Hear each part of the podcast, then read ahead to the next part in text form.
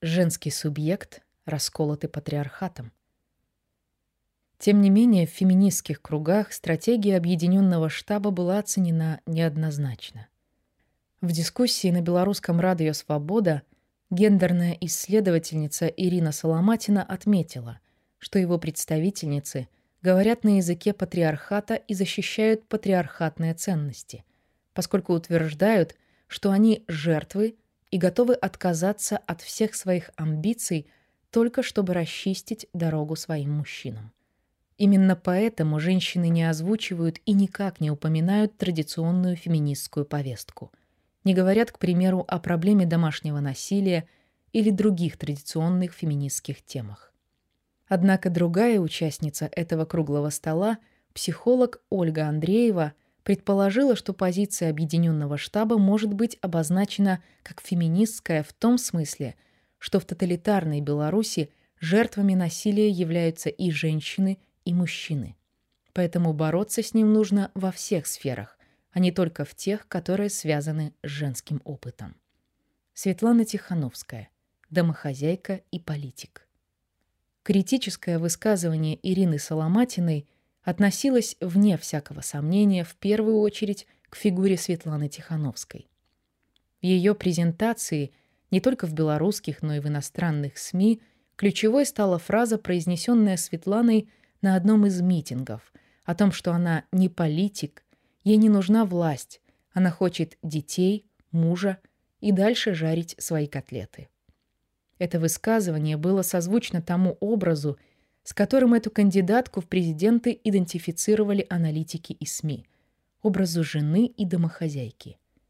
Одновременно Светлана Тихановская призывала голосовать за себя как за символ грядущих перемен и честных выборов – и очень скоро оказалось, что 38-летняя кандидатка только частично отвечает традиционному женскому и патриархатному образу. В одном из видео, подготовленном в конце июля BBC, Светлана сама рассказывает о своей трансформации, время от времени не пряча слез. Когда в ее адрес появились угрозы, она выплакалась, собрала себя в кулак и пошла дальше. Ей пришлось многому научиться. Прежде всего научиться быть публичной, преодолевать страх публичных выступлений, быть видимой, работать в команде. И огромную роль здесь сыграл и объединенный штаб, в котором мы учимся друг у друга, и команда, поддержка которой, делает вывод Тихановская, научит женщину всему. В конце видео кандидатка в президенты говорит о феномене новой Светланы. Благодаря поддержке людей – более уверенной в себе и более смелой, берущей на себя серьезную ответственность ради любви, но все такой же непосредственной и простой. К концу июля на трансформацию, переживаемую Светланой Тихановской, начинают реагировать и белорусские СМИ, говоря о ней уже не только как о домохозяйке, но и как о женщине, которая окончила школу с золотой медалью, имеет высшее образование в области филологии – работала переводчицей с английского в различных организациях. Как и многие другие, интервью BBC еще продемонстрировало силу избранной объединенным штабом стратегии, в центре которой оказались солидарность и командная работа. Не будучи феминисткой, Светлана Тихановская метко заметила, что именно солидарная и горизонтальная поддержка других – придает сил женщинам, у которых нет привычки и навыков нахождения в публичном пространстве. На глазах белорусского общества, а через месяцы всего мирового сообщества, происходило рождение политической лидерки, которая одновременно означала придание сил и уверенности в себе, empowerment, женщинам, наблюдавшим за этой трансформацией. Самоопределение и становление как политического субъекта Светланы Тихановской имело, на мой взгляд, и более далеко идущие последствия. Оно стало будто зеркалом для всего белорусского общества. Значительная часть людей начала говорить о себе в терминах гражданского и политического пробуждения. Призыв лидерок и штаба к совместным солидарным действиям, к необходимости гражданского участия каждого и каждой был услышан – Люди на него откликнулись. Лидерки демонстрировали, что политиками не рождаются, а становятся. что это может быть не так просто, но возможно, что политика — это не только про принятие решений, но и любовь как эмпатию, про сопереживание и ответственность за судьбы других людей и общества в целом.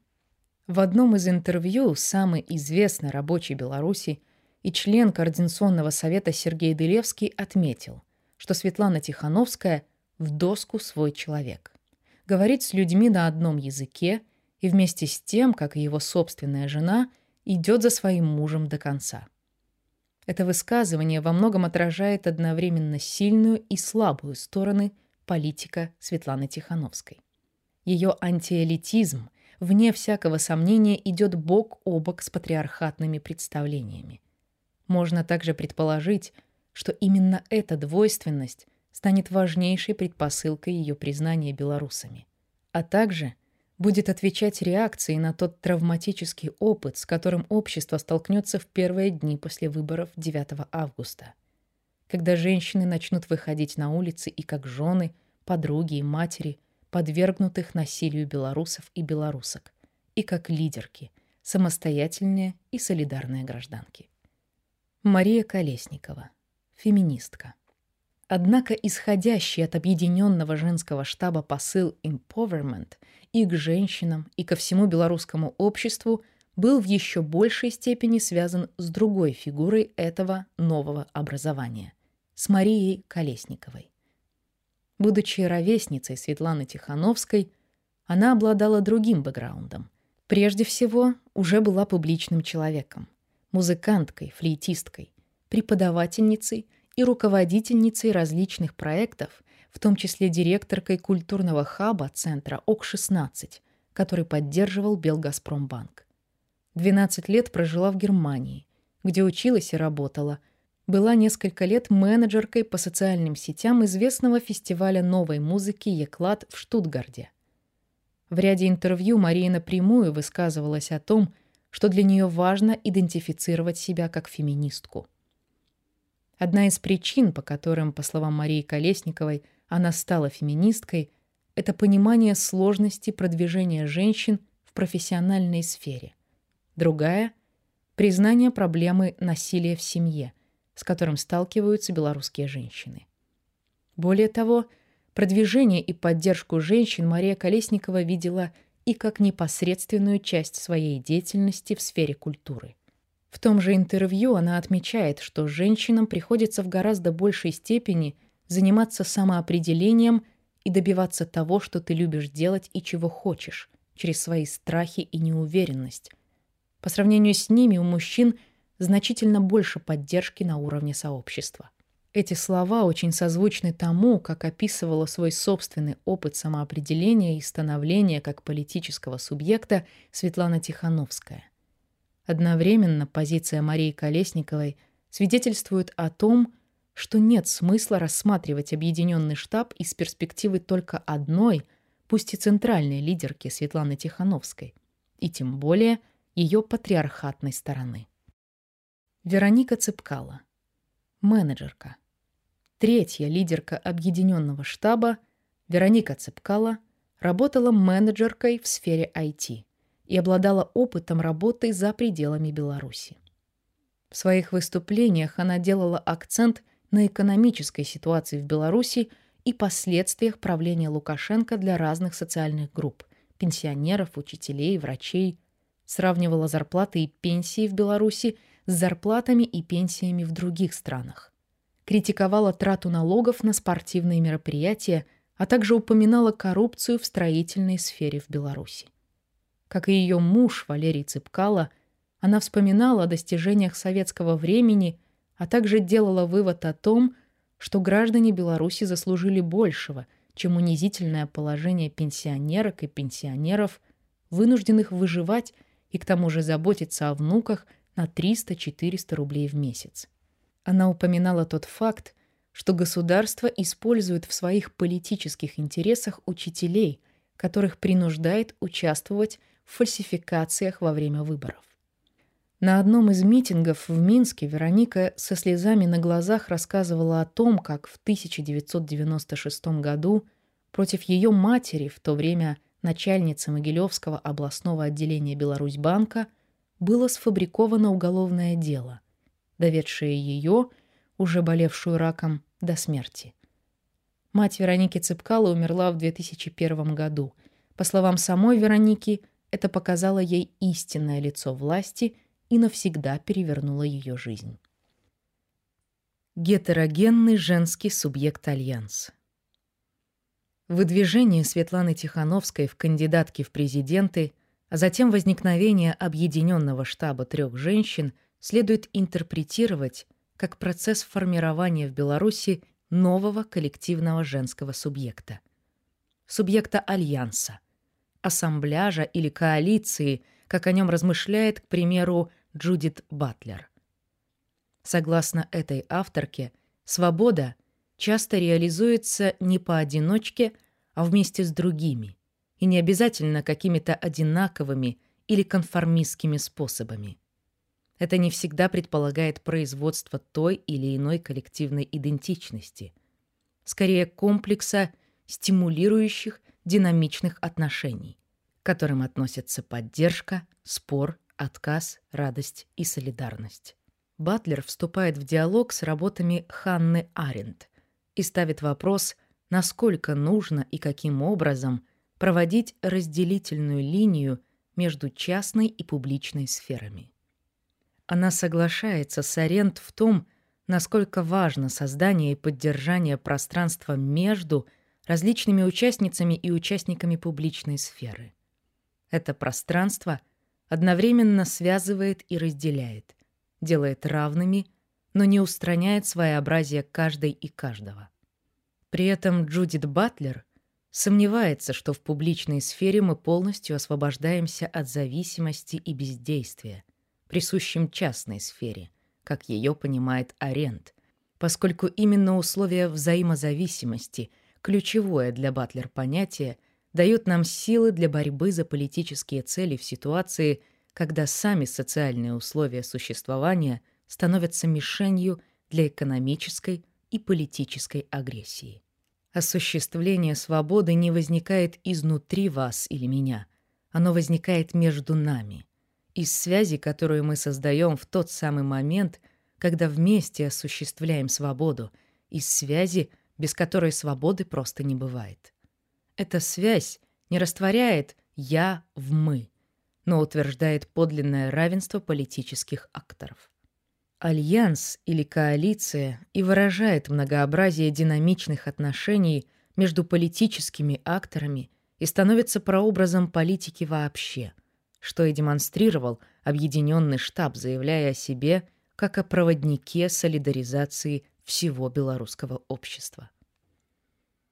Это вновь возвращает к идее, что этот новый коллективный субъект Альянс стал зеркалом для всего белорусского общества – которая, как и женщины-лидерки в штабе, училась быть коллективным солидарным политическим субъектом, не отказываясь при этом от своих различий.